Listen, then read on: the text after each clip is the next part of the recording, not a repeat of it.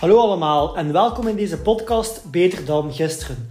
Ik ben Cedric de Wilde en in deze podcast ga ik verschillende tips en tricks delen die mijn leven compleet hebben veranderd op vlak van zelfvertrouwen, stress, angsten en geluk.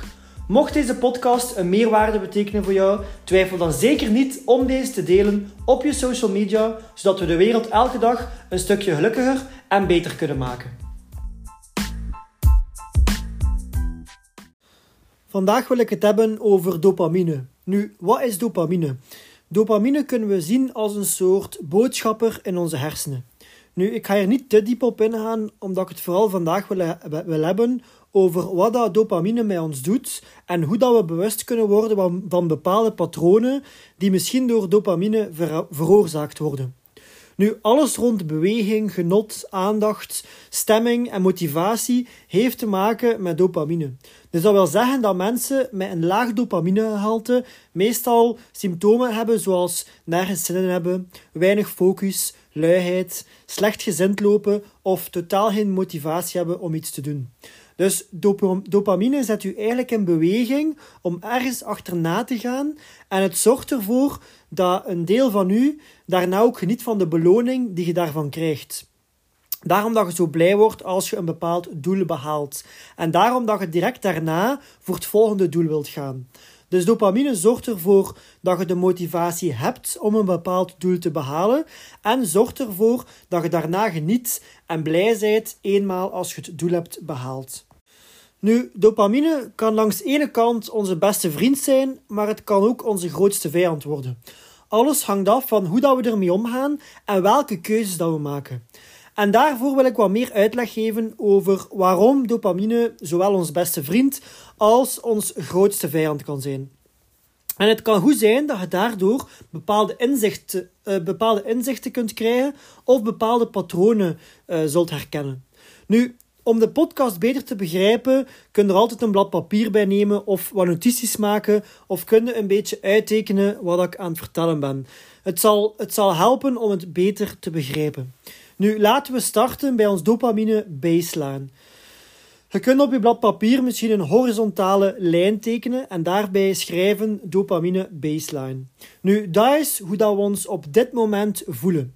Dus hoeveel dopamine dat er in ons lichaam wordt aangemaakt zonder stimulerende middelen.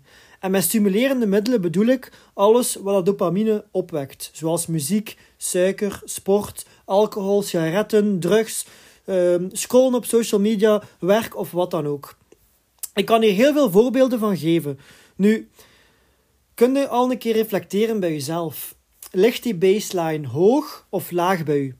Heb jij constant het gevoel dat je iets nodig hebt om je gelukkig te voelen? Of kun jij perfect gelukkig zijn alleen? Hoe meer dat je alleen gelukkig kunt zijn zonder stimulerende middelen, hoe hoger die baseline ligt bij u. Hoe meer dat je bepaalde dingen nodig hebt, of hoe minder dat je alleen kunt zijn, hoe lager dat die baseline waarschijnlijk ligt. Nu, wat is er belangrijk om te begrijpen? Het bepaalde dingen die ons dopamine heel snel laten stijgen, zoals drugs, gamen, alcohol, sigaretten, suiker, porno, alles wat u snel een gelukgevoel geeft. En we hebben dingen die ons dopamine traag en geleidelijk laten stijgen, zoals wandelen, mediteren, koude douchen, sporten en gezonde voeding. Nu, waarom is dat zo belangrijk om te begrijpen? Hoe sneller ons dopamine stijgt, hoe dieper die zal vallen. Je kunt dat ook op je blad papier een keer tekenen. Dus die lijn dat je daarnet hebt getekend van de baseline. Vanop die lijn kan je een steile lijn naar boven tekenen. En dan een steile lijn naar beneden. Nu, wat zorgt ervoor dat we aan dopamine verslaafd kunnen geraken?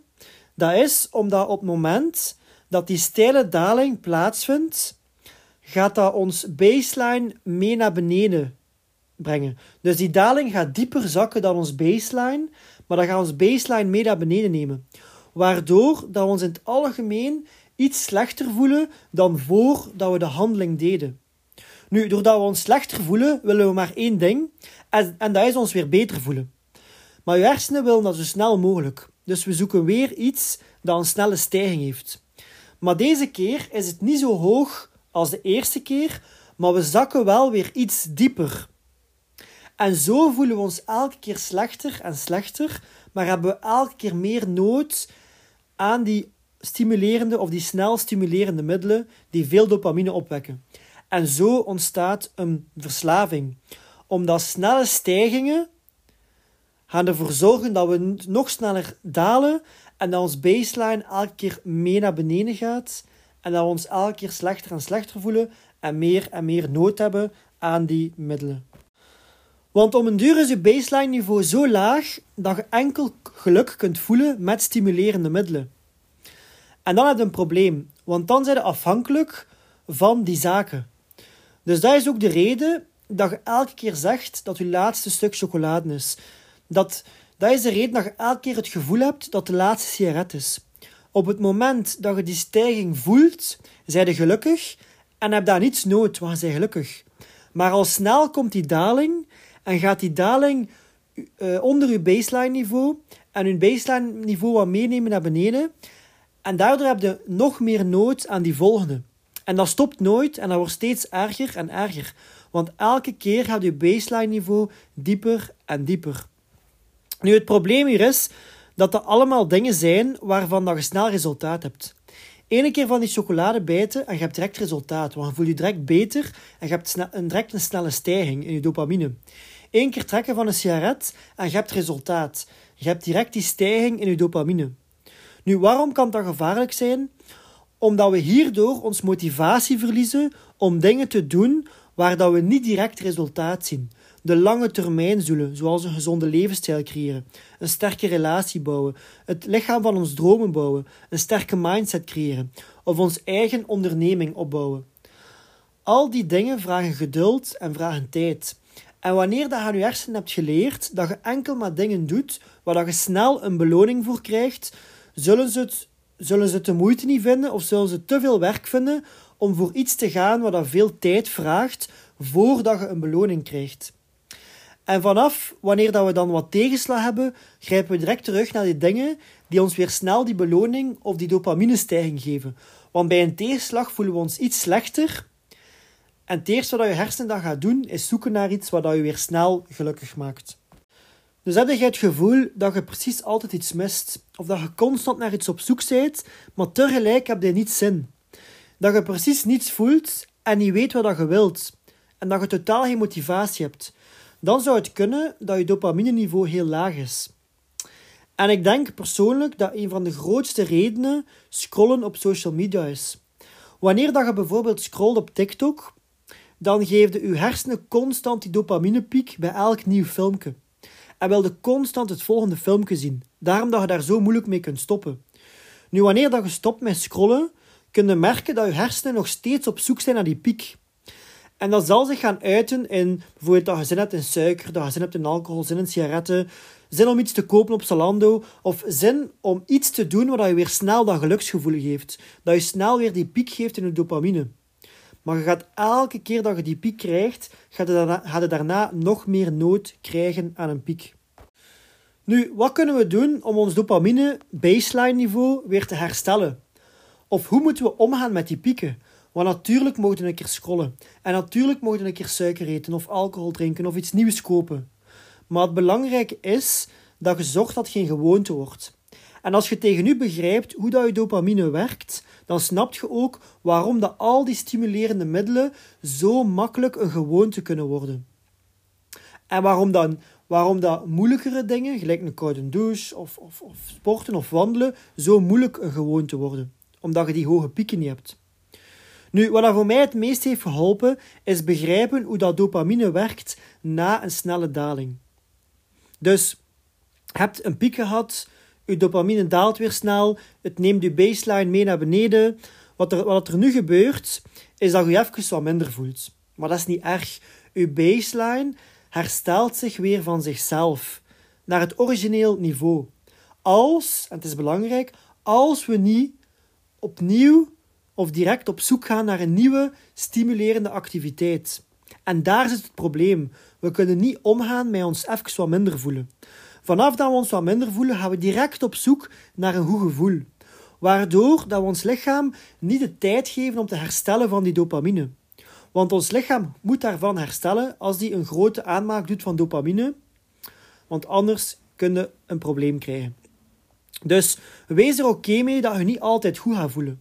En dat je ook een keer minder momenten hebt. En hoe meer dat je dat leert accepteren, hoe gelukkiger dat je zult zijn. En wanneer dat je dopamine-niveau hersteld is, zul je zien dat je gewoon kunt genieten van de kleine dingen en dat je gelukkig kunt zijn op jezelf en dat je niet constant nood hebt aan die stimulerende middelen. En, belangrijkste van al, je gaat weer die motivatie vinden om voor die lange termijn doelen te gaan. Nu, je hebt ook gewoontes die je dopamine trager laten stijgen en voor een langere periode laten stijgen. Nu, die zijn voor je hersenen minder aantrekkelijk, maar ze zijn veel beter. Want doordat ze traag stijgen, hebben ze ook geen enorm snelle daling. En dat zorgt er zelf voor dat je baseline niveau gaat stijgen en dat je algemeen gelukkiger wordt.